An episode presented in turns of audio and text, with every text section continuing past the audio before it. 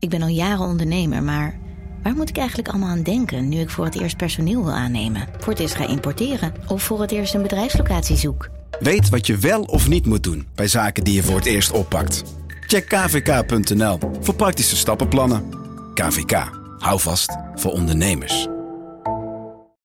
Hey podcastluisteraar. Ook op zoek naar een relevante invulling van je schaarse luisteruren? Tune dan in op de podcastserie ESG, even samengevat van BNP Paribas. Wij, Marloes en Aldert, spreken daar duurzame voorlopers en wereldverbeteraars. Waarover dan? Nou, bijvoorbeeld of we ooit duurzaam kunnen gaan vliegen. En waarom koeien in de stad nou een goed idee is? Dat en meer elke twee weken in een nieuwe aflevering. Dus abonneer je. ESG, even samengevat.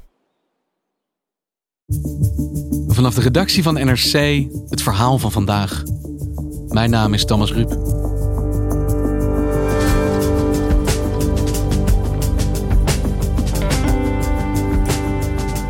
Zef is het zoontje van redacteur Carola Houtenkamer. Hij gaat in Utrecht naar het kinderdagverblijf samen met Esra, die een ontwikkelingsachterstand heeft. Toch zitten ze samen met elkaar in één groep. Maar nu de crash is overgenomen door een private equity bedrijf, komt daar een einde aan. Is er in zo'n verdienmodel wel ruimte voor alle kinderen?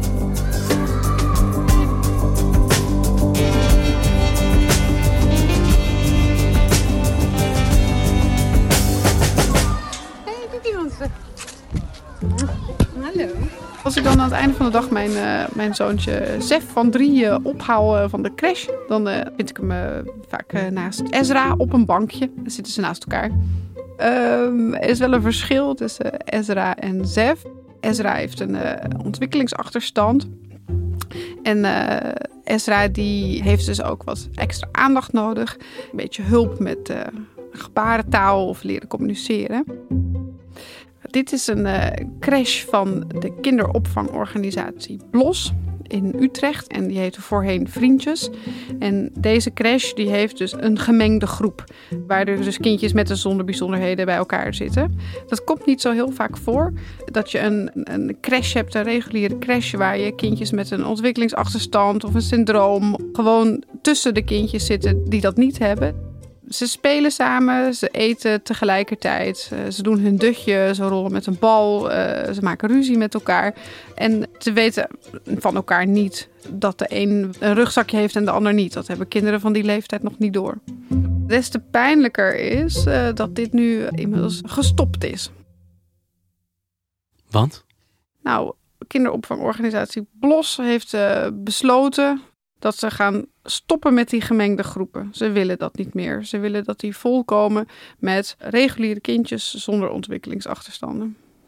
Dus kindjes als Zef blijven welkom, maar kindjes als Ezra niet meer. Nee, die moeten een ander plekje vinden of ze stromen uit. Maar daar kunnen in ieder geval geen nieuwe zorgkindjes meer eh, komen op die plekken. En dat is eigenlijk niet los te zien van de expansiedrift van een inmiddels heel groot bedrijf. Ezra is het zoontje van eh, Judith Baart en Tim Mulder. En ehm, zij kwamen er nou, eh, na een tijdje geleidelijk achter dat, eh, dat Ezra. Hij heeft een zeer zeldzame chromosoomafwijking, waardoor hij een flinke ontwikkelingsachterstand heeft. En hij is vier jaar en hij functioneert momenteel ongeveer op eenjarig niveau. En hij zat op een reguliere crash, dat ging niet goed. Hij raakte daar echt eh, het overprikkeld. En hij had meer aandacht nodig, kleinere groepen. Net iets anders dan een kind wat het wel bij kan benen. Hmm. En zij hebben lang gezocht naar een eh, geschikte plek voor hun zoontje. En toen zijn zij bij het bedrijf Vriendjes uitgekomen. Ik vond het juist heel erg mooi dat Esra ook met reguliere kinderen op zou gaan. En andersom dat zij met hem om leren gaan. Ehm, dus dat vonden wij heel mooi aan die eh, plusgroepen. Dat het en de zorg biedt die hij nodig heeft. eh, en gewoon in contact is met reguliere kinderen. eh, waar En die plekken zijn er dus eigenlijk maar heel weinig. Ja, er zijn niet zo heel veel crashes die dit doen of gastouders. Terwijl je kunt afvragen op die leeftijd, als ze 1, 2, 3, 4 zijn. Ja, ze, worden, ze zijn allemaal nog van het oppakbare formaat. Een kind van 16 wat, uh, wat 80 kilo weegt of 70, dat is natuurlijk al een heel ander verhaal. Maar peutertjes, uh, een peutertje van drie of van twee of een baby, ja, daar, daar, daarvan kun je afvragen of, uh, of dat zo vroeg moet, dat scheiden tussen kindjes met en kindjes zonder bijzondere ontwikkeling. Maar het is de ouders van Ezra dus gelukt. Ze hebben zo'n opvang gevonden, uh, Blos dus, voorheen vriendjes. En hoe is dat hier ontstaan, dat hier deze twee groepen kinderen wel bij elkaar kunnen? Ja, dat, dan moet ik even voorstellen aan een ander meisje. Dat meisje heet Jara. En Jara is uh, dochter van uh, Jessica Heeman, ook een Utrechtse vrouw. En die bracht Jara naar vriendjes. Maar gaandeweg kwamen ze erachter dat Jara zich ook anders ontwikkelde. Nou, er is haar, iets in haar hersenen is anders aangelegd. Waardoor ze uh, de aansturing van haar spieren moeilijk onder controle krijgt. En dat heet het syndroom van Joubert. Bij vriendjes op de groep waren ze ja, ze raakte wel een beetje in de knoop daarmee. Ze konden Jara dat meisje niet echt bieden wat ze nodig had op een gewone groep. Ze zagen ook wel in toenemende mate van, oh, dit meisje, ja, er is iets mee, die heeft wat extra nodig. Op het kinderdagverblijf gaven ze op een gegeven moment aan dat ze ja, meer zorg nodig had dan ze daar konden bieden. En ja, dan zit je natuurlijk als nieuwbakken moeder met je handen in het haar. Uh, ja, waar dan naartoe? Want ook ik wist niks van die Nou, en dan is de keuze die de moeder Jessica had. Uh, nou, dan kun je naar een medisch kindcentrum of een therapeutisch kindcentrum, zoals dat heet. Wat zijn dat? Ja, dat zijn eigenlijk gespecialiseerde zorgomgevingen. Waar uh, kinderen met een handicap of een ontwikkelingsachterstand heen gaan. En daar worden ze behandeld, daar, daar zijn ze. Uh, maar dat is wel een beetje anders van opzet als een crash. Want de crash is er ook om de ouders uh, de mogelijkheid te bieden om te werken. Daarom heeft de crash best wel ruime openingstijden. dan kun je s ochtends een kind brengen en je haalt hem s'avonds op. En een medisch kindcentrum of een therapeutisch kindcentrum is daar niet op gericht. Dus heel veel zijn ze open van 10 tot 4 bijvoorbeeld, of van 9 tot half 5.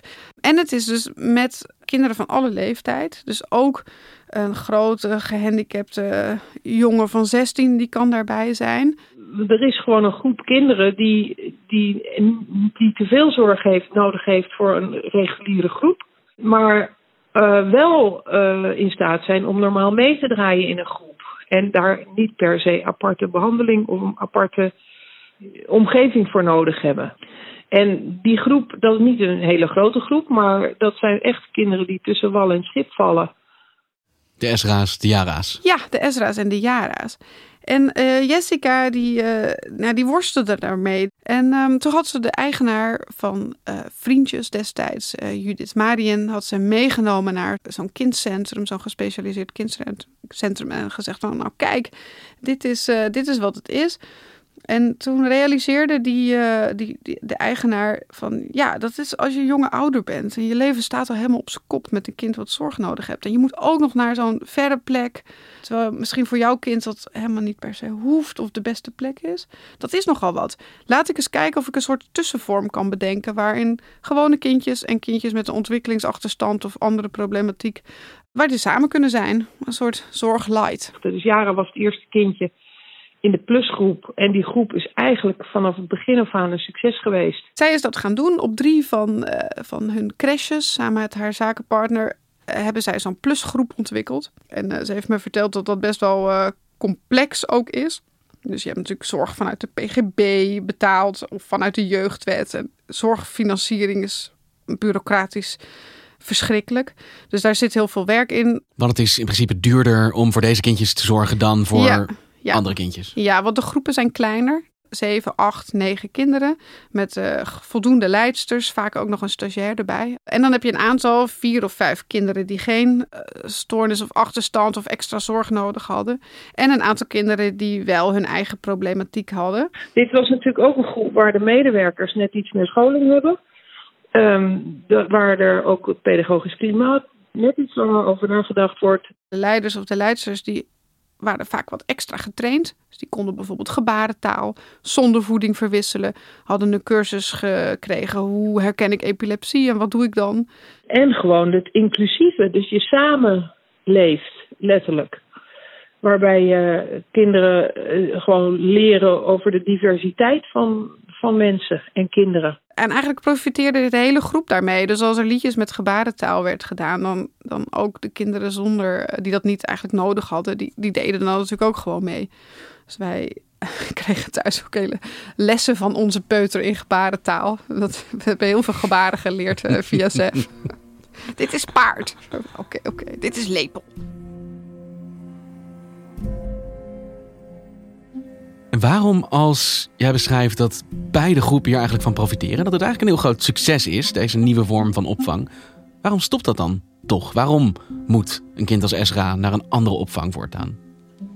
Die, die zoektocht van die ouders, die heb ik een beetje die heb ik geprobeerd te volgen en met hen te praten. En ook door uh, met de firma te praten. Blos is ontstaan vanuit uh, een, een, een, andere kleine Utrechtse crash. Die heette toen nog de Vrije Vogels. Maar op een gegeven moment willen de eigenaren van die crash, dat is een broer en zus uh, van de Blaak, die, uh, die willen graag gaan groeien. Ze willen een grotere kinderopvangorganisatie worden.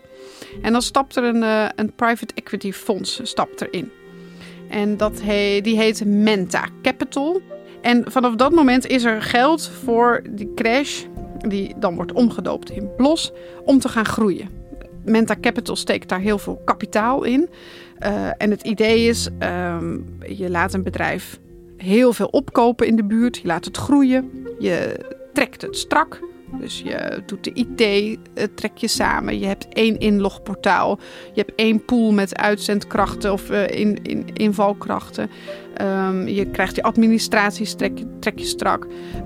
nou, dat zijn allemaal posten waarop je kunt bezuinigen en dus je financiële resultaten kunt verbeteren. En dan na een tijdje heb je een heel groot gestroomlijnd bedrijf. Dat verkoop je aan de volgende partij met heel veel winst. Die winst verdeel je onder je investeerders die ooit hebben geld ingelegd. En uh, dan is uh, het idee dat uh, iedereen blij is.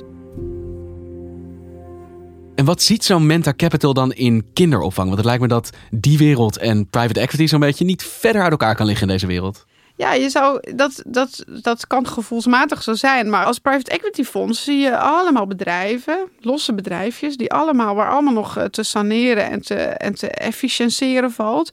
En je ziet eigenlijk ook gegarandeerde inkomsten. Nederland heeft kinderopvang nodig. De overheid zorgt ervoor dat het voor ouders betaalbaar is. Gegarandeerde klanten, gegarandeerde inkomsten. En hoe werkt die groei dan? Koopt Blos andere crashes op en zet daar het PLOS-logo op? Ja, begin 2017 wordt dat, wordt dat fonds uh, opgericht. En vanaf dat moment begint er een soort overname uh, spree. Dus dat, dat gaat echt in een heel hard tempo. Dus ze kopen in Utrecht vrijwel echt heel veel, heel veel crashes op. En dan zie je opeens, hé, hey, dat heette eerst Jackie en nu staat daar Blos op.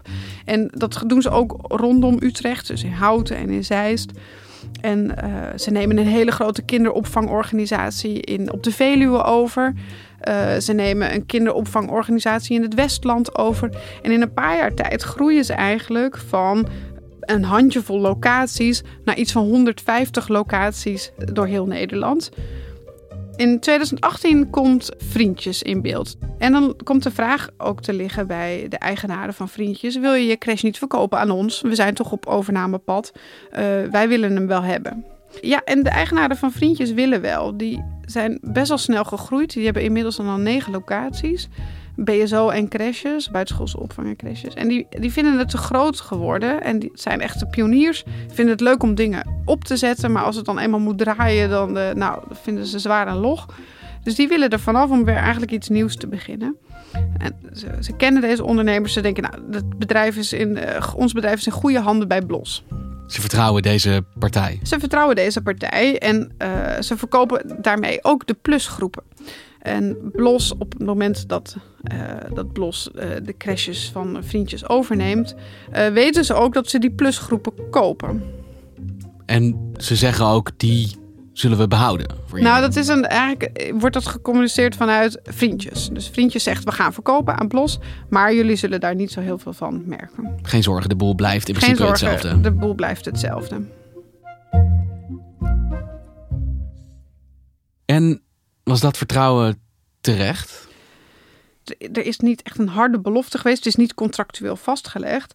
Maar na een jaar, dat is begin 2020, dit jaar, dus uh, voor de coronacrisis, krijgen de ouders van de kindjes uh, met een rugzakje of de zorgkinderen krijgen een mail van Blos. Wat staat daarin? Nou, ik zal dat eventjes uh, voorlezen. Een deel, ondanks dat wij trots zijn op de resultaten die ze hebben behaald met de kinderen op de plusgroep, zijn we helaas tot de conclusie gekomen dat we de kwaliteit en continuïteit waar het plusconcept ons vraagt, onvoldoende te kunnen blijven waarborgen in de toekomst. We zullen de plusgroep in de loop van 2020 gaan stoppen wanneer er voor alle kinderen op zo kort mogelijke termijn een passend alternatief is. Dus samengevat, de gemengde groepen stoppen. Ja. En, en waarom? Nou, de reden die de ouders dus krijgen, is dus dat de kwaliteit en de continuïteit onvoldoende kunnen blijven gewaarborgd. Ouders die, zijn, die ik ook tegenkwam, eh, die, die waren echt in blinde paniek. En velen hadden er echt lang over gedaan om een passende plek te vinden voor hun kind. En er stonden moeders te huilen ochtends eh, op de groep van wat, wat nu weer? En zij probeerden te achterhalen van wat is nou eigenlijk precies de reden dat ze dicht moeten? Wat is dat? We kunnen de kwaliteit en de, de continuïteit niet waarborgen. What does it mean? Wij hebben als ouders nooit indicatie gehad dat er problemen waren. Uh, wij waren zelf heel tevreden over de zorg voor ESSA. Er zijn nooit klachten ingediend, voor zover wij weten. Uh, de oudercommissie heeft geen klachten binnengekregen die daarop wijzen. De inspectierapporten zijn al jaren eh, klinkend over de locaties met de plusgroepen. Geen gesprekken, geen klachten, geen uh, rapporten die niet goed waren. Um, dus het verrast ons wel dat, uh, dat er binnen zo'n korte tijd al besloten werd dat de kwaliteit niet goed was. Iedereen tast eigenlijk in het duister. En komt dat antwoord? Nou, het vermoeden is al heel gauw dat het een financiële reden is. Het, het, bedrijf groeit heel snel. Het bedrijf wordt heel erg gestroomlijnd. Dus allerlei flexibele contractvormen die, die er ook nog uh, waren binnen vriendjes voor ouders die bijvoorbeeld parttime werkten of in de zorg s'nachts werkten. Die, die worden ook opgezegd of dat is niet meer mogelijk. Dus het wordt heel erg gestroomlijnd. En eh, ouders vermoeden dus dat er een financieel belang is. Dat het zoveel gedoe is dat het gewoon niet loont voor Blos om gehandicapte kinderen of kinderen met een zorgvraag uh, om die op te vangen. Ik vind het opvallend dat er een kinderopvang wordt overgenomen waar inclusie belangrijk is en waar het een belangrijk onderdeel was van het bedrijf. Het ze hebben dat bewust overgenomen en het gaat zo snel weg. En ik snap dat niet. Ik heb dat ook Blos gevraagd. Blos weerspreekt stellig dat geld de reden is. Zeggen van nee, we doen ook andere vormen van opvang, zoals voorschoolse educatie voor kinderen met uh, taalachterstand. Dat, dat, is, dat levert ook geen winst op. Dus geld is niet het enige wat ons drijft. Ik heb natuurlijk wel mensen gevraagd, mensen die betrokken waren bij, bij de groepen op een of andere manier, van welke kant dan ook. En sommigen noemen dan wel van ja, het is best wel veel werk. En als je al die uren zou meerekenen, dan is het misschien niet rendabel. Het is in ieder geval gedoe. Zij zeggen daar nu op uh, in, een, uh, in reactie van dat pas na overname duidelijk was hoe ingewikkeld het was. En de initiatiefnemers van deze gemengde groepen, hoe kijken zij ernaar? Wat denken zij dat hier is gebeurd?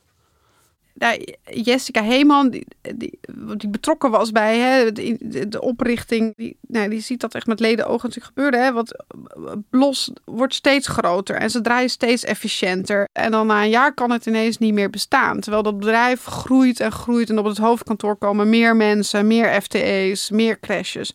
En de ouders blijven met de vraag achter waarom is daar nou voor ons kind in zo'n machine waar zoveel geld in, en zoveel mensen in zit, waarom is daar voor deze kinderen dan nu geen plek meer?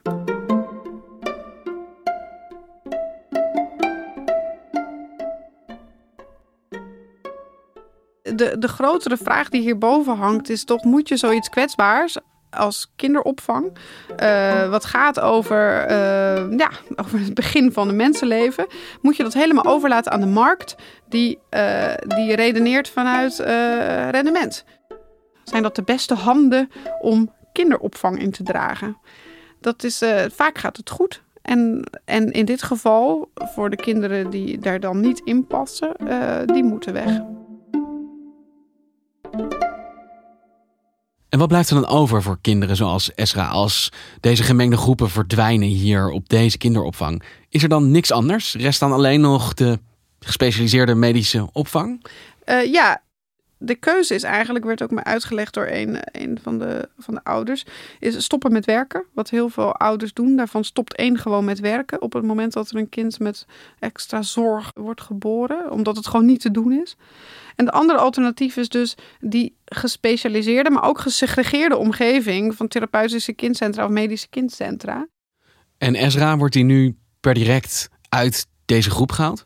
Nee, Ezra mag gelukkig nog blijven tot hij uh, vier is. En dat hij naar een schooltje mag of een bijzonder onderwijs uh, wordt dat voor hem waarschijnlijk. Dus dat is heel fijn. Uh, hij is momenteel nog het enige pluskindje op de groep. Alle andere kindjes zijn ondertussen uitgefaseerd. Maar omdat hij natuurlijk nou ja, na een paar maanden al zou overstappen, mocht hij blijven zitten.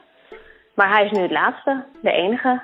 Verdriet wat de ouders voelen is heel vaak nou ja, niet alleen vanwege hun eigen kind. Maar ze zeggen ook van ja, dat is ook een plek die je weer sluit voor toekomstige kinderen. En het is ook weer, weer maar eens dat kinderen waar iets mee is, in deze gestroomlijnde maatschappij, uh, daar, daar is geen plek voor. En dat betreuren ze ook. Dankjewel, Carola.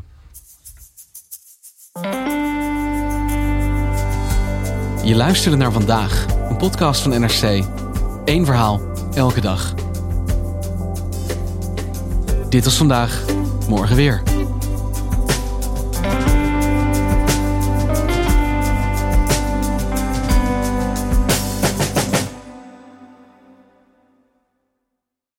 Technologie lijkt tegenwoordig het antwoord op iedere uitdaging.